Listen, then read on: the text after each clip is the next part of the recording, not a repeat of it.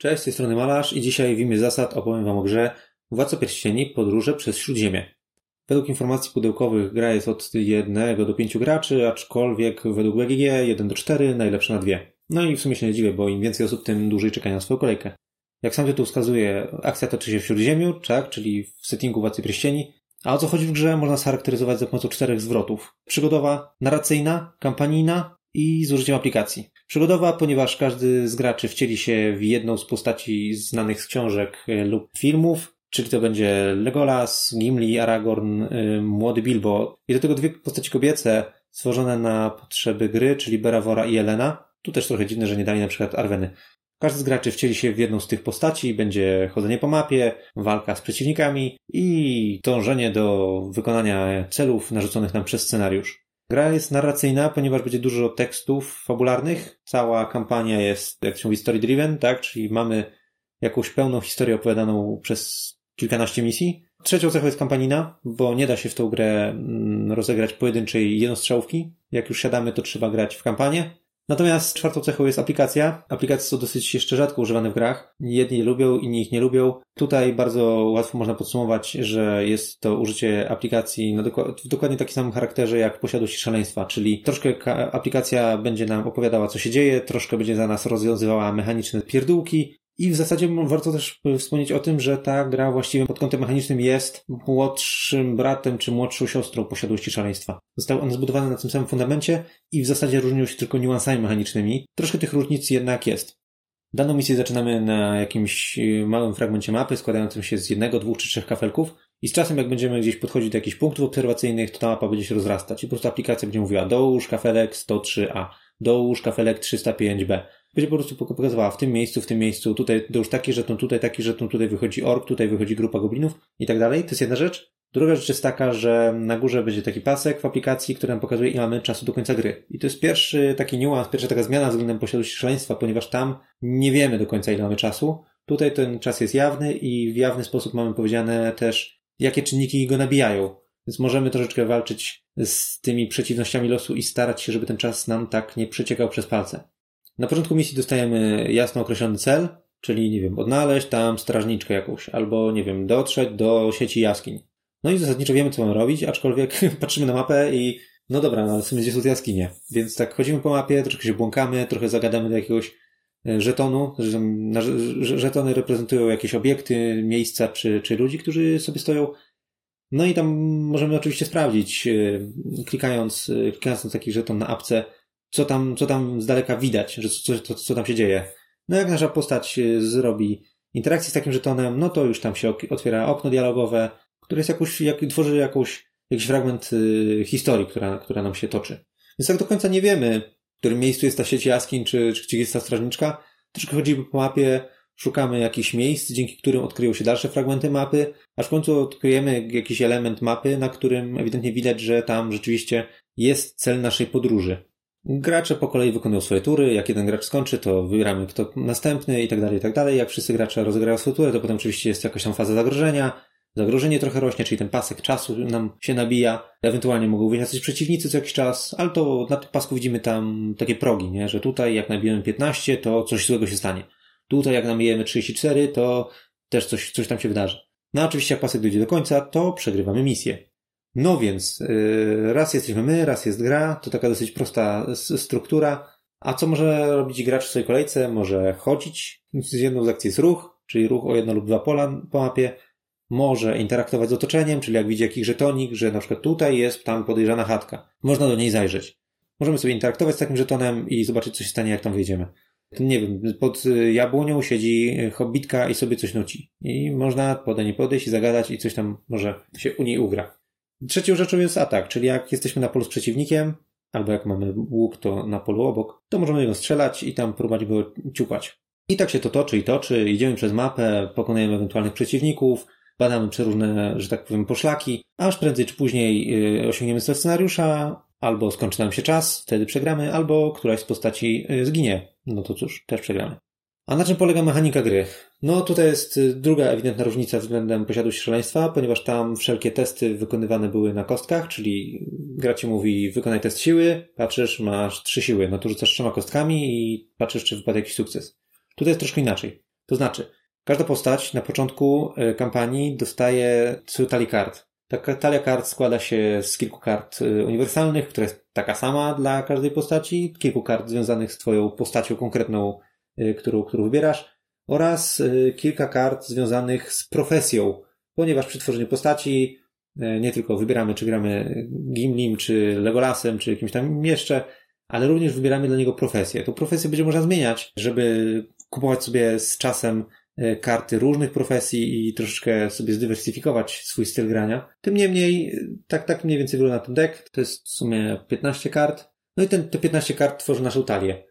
No i na początku każdej misji po prostu tasujemy te 15 kart, kładziemy sobie w stosie i zawsze jak gra nas prosi o sprawdzenie jakiejś rzeczy, wykonanie jakiegoś testu, czy to testu ataku, czy testu jakiegoś tam, nie wiem, sprytu, pogadania z kimś, gdzieś tam przejścia za pomocą zręczności, przejścia nad jakimś przesmykiem, czy wdrapania się na drzewo, to po prostu ciągniemy z stali tyle kart, ile wskazuje nasz współczynnik, czyli na przykład masz zręczność 2, to ciągniesz dwie karty. E, no i w tych kartach, oprócz tego, one mają dwie funkcje. Jedna jest taka, i teraz właśnie o niej wspomnę, że w lewym górnym rogu karty jest albo symbol sukcesu, czyli takiego słoneczka, albo symbol listka, lub nawet kilku listków, albo nie ma nic. No jak nie ma nic, to jest źle, bo ta karta nie daje nam sukcesu. Jeżeli jest sukces, to się cieszymy, bo sukcesy są dobre, tak? Czasami jakiś test będzie wymagał od nas jednego sukcesu, czasami będzie wymagał kilku sukcesów, czasami wprost nam powie, tutaj stopień trudności testu dwa, czyli że musisz mieć dwa sukcesy, tak? A czasami nie powie, po prostu powie zrób otwarty test siły. No i po prostu jak ustalisz ile masz tej siły po wyciągnięciu tych kart, to wpisujesz w aplikację i aplikacja mówi ci, co się w takim razie wydarzyło. No dobra, a trzeci symbol, który jest na tych kartach, to są listki. O co chodzi z listkami? Listki to są porażki, ale jeżeli masz na swojej postaci żetony listków, które się zbiera w trakcie gry z różnych tam okazji, na przykład eksplorując mapę, zawsze dostajesz listek, to możesz zapłacić taki listek do banku, żeby zamienić jeden symbol listka na karcie na symbol sukcesu i wtedy masz dodatkowy sukces. Więc to jest taki trochę management, liczenie się z losowością tej talii, ale też trochę management tych listków, kiedy dopłacić te listki, żeby jednak osiągnąć jakiś tam sukces w tych testach. Y, no dobrze, a poza tym, to jest jakby core, core mechaniki, tak? Czyli chodzimy, wykonujemy przeróżne testy, a druga warstwa tych kart i tej mechaniki jest taka, że każda z tych kart ma jakąś umiejętność. I na przykład jest napisane, możesz odrzucić tę kartę, żeby anulować dwa obrażenia, jak cię ork atakuje, przeciwnik atakuje. Albo możesz odrzucić tę kartę, żeby wejść w ukrycie. Albo możesz przerzucić tę, odrzucić tę kartę, żeby przesunąć się o dodatkowe pole. I tak dalej, i tak dalej. No, przeróżne rzeczy. Żeby się wyleczyć, żeby coś tam, no przeróżne rzeczy, nie wiem, żeby zamienić, jeżeli masz same listki na przykład, to odrzuć tę kartę, żeby zamienić wszystkie listki, yy, które wyszły ci w teście na sukcesy. I nagle masz dużo sukcesów, ale no, bardzo sytuacyjna karta. Muszą być same karty z listkami wyjść podczas testu. Przeróżne, przeróżne rzeczy. I po co, po co ten tekst jest? Otóż te karty mają dwa zastosowania. Jeden jest tak, jedno zastosowanie jest takie, że używam tych kart w każdym teście. Drugie zastosowanie jest takie, że te karty czasami możemy wykładać przed naszą postać, żeby pozyskiwać te skille. A wygląda to tak. Na początku każdej kolejki drużyna robi zwiat, powiedzmy powiedziane, każdy gracz robi zwiat 3. No i wtedy każdy gracz z takiej przetasowanej talii ciągnie trzy karty z góry, ogląda je sobie, jedną z tych kart może wyłożyć przed siebie na stół i wtedy ta karta liczy się jako ta umiejętność i daje jakiś pasywny bonus albo, albo można ją odrzucić w jakiejś tam sytuacji, żeby coś tam pozyskać. No a pozostałe karty się tam wkładzie na górę albo na, na dno talii, to, to już tam jak wybierzemy. No więc te karty mają dwie warstwy, tak? Mają po pierwsze, liczą się jako sukcesy lub porażki lub listki, a po drugie liczy się to, co jest na nich napisane, więc czasami możemy mieć taką sytuację, że wykładamy przed siebie te karty, żeby korzystać z ich fajnych umiejętności, ale z drugiej strony na przykład te fajne umiejętności są na kartach, które mają też sukcesy, a na przykład fajnie byłoby mieć te sukcesy w talii. Więc tutaj jest taka warstwa decyzyjna, które z tych kart mm, zatrzymać sobie w rotacji kart, w rotacji naszej talii, po to, żeby mieć częściej sukcesy, a które z tych kart jednak bardziej się dla nas liczą jako umiejętności, które są na nich rozpisane.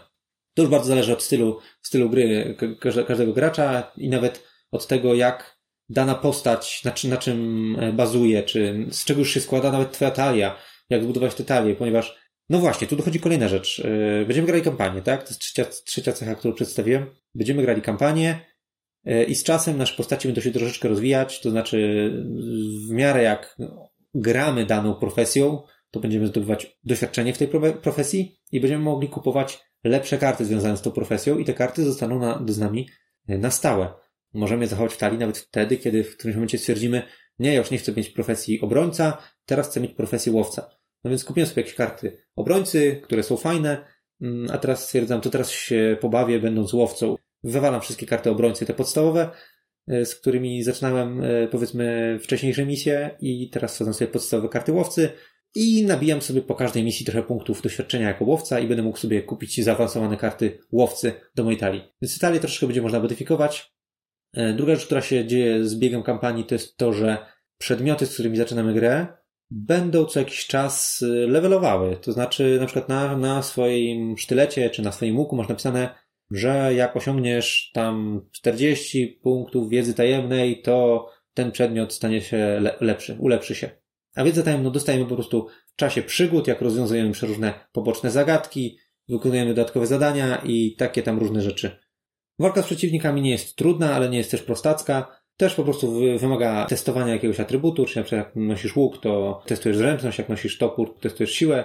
No więc ciągniesz te kilka kart i na podstawie sukcesów, które które y, z tych kart wyciągniesz, mm, możesz sobie opłacać różne odpałki, które są na karcie broni. Czyli na przykład masz kartę broni, która mówi za jeden sukces możesz zadać dwa obrażenia, y, za na przykład dwa sukcesy możesz zadać y, pięć obrażeń z przebiciem albo z czymś tam. I każdy z tych efektów może odpalić raz, więc sobie sumujesz sukcesy i myślisz, na co by wydać te sukcesy, którym się udało zdobyć z tych kart. No i myślę, no to chcę te pięć obrażeń i te dwa obrażenia i coś tam, a ty chcę dopalić sobie, żeby mieć nie wiem, jakąś penetrację pancerza, przekazujesz tę informację osobie, która trzyma urządzenie i mówisz, no więc atak za 7 z przebiciem. No i ta osoba po prostu klika. Ten przeciwnik raz, dwa, trzy, cztery, pięć, sześć, siedem ran klika, klika przebicie, więc nawet nie musicie mm, pamiętać dokładnie, jak się przyliczają te efekty tych wszystkich y, dodatkowych mm, słów kluczowych w ataku. Warto oczywiście pamiętać, no żeby używać ich z głową, ale aplikacja sama za was policzy na przykład ile pancerza się uwala przeciwnikowi, albo że atak był obszarowy i że nagle wszystkim tym przeciwnikom spadają paski życia. To wszystko aplikacja robi za was, to jest spoko. Natomiast y, coś tam, coś tam można pomyśleć w walce. A czego musimy się bać? No więc y, każda z naszych postaci, oprócz pięciu statystyk podstawowych, takich jak siła, mądrość, zręczność, duch, spryt, które będziemy testować, posiada też atrybut strachu i obrażeń. I to jest po prostu limit ran psychicznych, przerażenia i limit ran fizycznych, które postać y, może przyjąć. I po prostu jak dojdzie do tego limitu y, obrażeń, czyli na mamy obrażenia 4, to jak będziemy mieli 4 karty obrażeń, no to będziemy mieli test ostatniej szansy, w którym spra sprawdzamy, czy nasz bohater gra dalej, czy nie. I jak tego testu nie zdamy, no to niestety nasza postać odpada, a cała reszta drużyny ma jeszcze tylko czas do końca tej rundy i jeszcze jedną następną rundę gry. I jak nie skończą misji przez ten czas, to przegrywamy całą misję. Tutaj taki tip, jak widzicie, że będziecie niedługo mieli przerąbane, to zachowajcie sobie chociaż jeden listek, bo ten test ostatniej szansy naprawdę jest istotny. Ponieważ jak go zdacie, na przykład na obrażenia fizyczne, to wasza postać dalej żyje, jest wszystko git, a wszystkie obrażenia fizyczne, które miała, wylatują i jakby jest znowu w pełni zdrowa. Jest mały twist. Każdy kolejny test ostatniej szansy będzie troszkę trudniejszy. Więc też nie można tego tak olewać w nieskończoność i sobie pozwalać na, na, na, na dostawanie tych obrażeń czy strachów. Kolejna ciekawostka, która dotyczy gry, to jest to, że nie wszystkie misje będą rozgrywane na mapie krainy, czyli na takich heksagonalnych zlepkach y, przedstawiających lasy, łąki, pola, góry i inne krajobrazy. Nie zawsze będziemy chodzić po takiej krainie, ponieważ mniej więcej tak pi razy oko co trzecia misja około będzie rozgrywana na mapie bitwy, czyli takiej skali mikro. Robimy zooma i nagle widzimy, że tutaj jest jakieś ognisko, tu jest jakaś, jakieś drzewa, tu jest jakiś posąg stoi, że już nie patrzymy z, tak, z wielkiej odległości na naszą krainę, gdzie tam łazimy po niej, po dolinach i, i lasach, tylko po prostu jest zbliżenie i teraz jest naparzanka z jakimiś orkami, goblinami w jakimś konkretnym miejscu. No i tam jest o wiele bardziej taktycznie. Nie dość, że to wygląda inaczej e, wizualnie, to jeszcze jest mnóstwo różnych przeszkadzajek, obiektów, no, z którymi można interaktować, które mają wpływ na naszą walkę, dają nam jakieś bonusy lub kary, różne tam takie niuanse. Ostatnio, czym warto wspomnieć, to to, że gra posiada dwa poziomy trudności, normalny i wysoki. No i w normalnym będziemy mieli trochę ułatwień i trochę więcej listków nam będzie wpadać bez powodu, a w wysokim czas się będzie nieco szybciej nabijał z przeróżnych powodów. Dobra, bo już się rozgadałem. To jeszcze tak podsumowując dla graczy, którzy znają posiadłość szaleństwa. Różnice, jakie mm, występują w tej grze względem posiadłości szaleństwa, to jest tak. Mechanika nie opiera się na kościach, tylko na deku kart, który ma sukcesy, porażki lub y, listki. Druga różnica jest taka, że w posiadłości szaleństwa widzisz, gdzie są drzwi do nowych pomieszczeń i jeżeli chcesz eksplorować, to po prostu idziesz do drzwi, otwierasz i coś tam się pojawia. W każdym razie wiesz dokładnie, w którym, w którym miejscu masz iść, żeby eksplorować dalej posiadłość. Tutaj w zasadzie tego nie wiesz. Chodzisz, chodzisz, zastanawiasz się, widzisz, o, może tam jest wysokie drzewo, to może tam będzie można, moja postać się na nie wdrapie i zobaczy okolice. Może. Nie wiadomo. To tak trochę nieintuicyjne jest.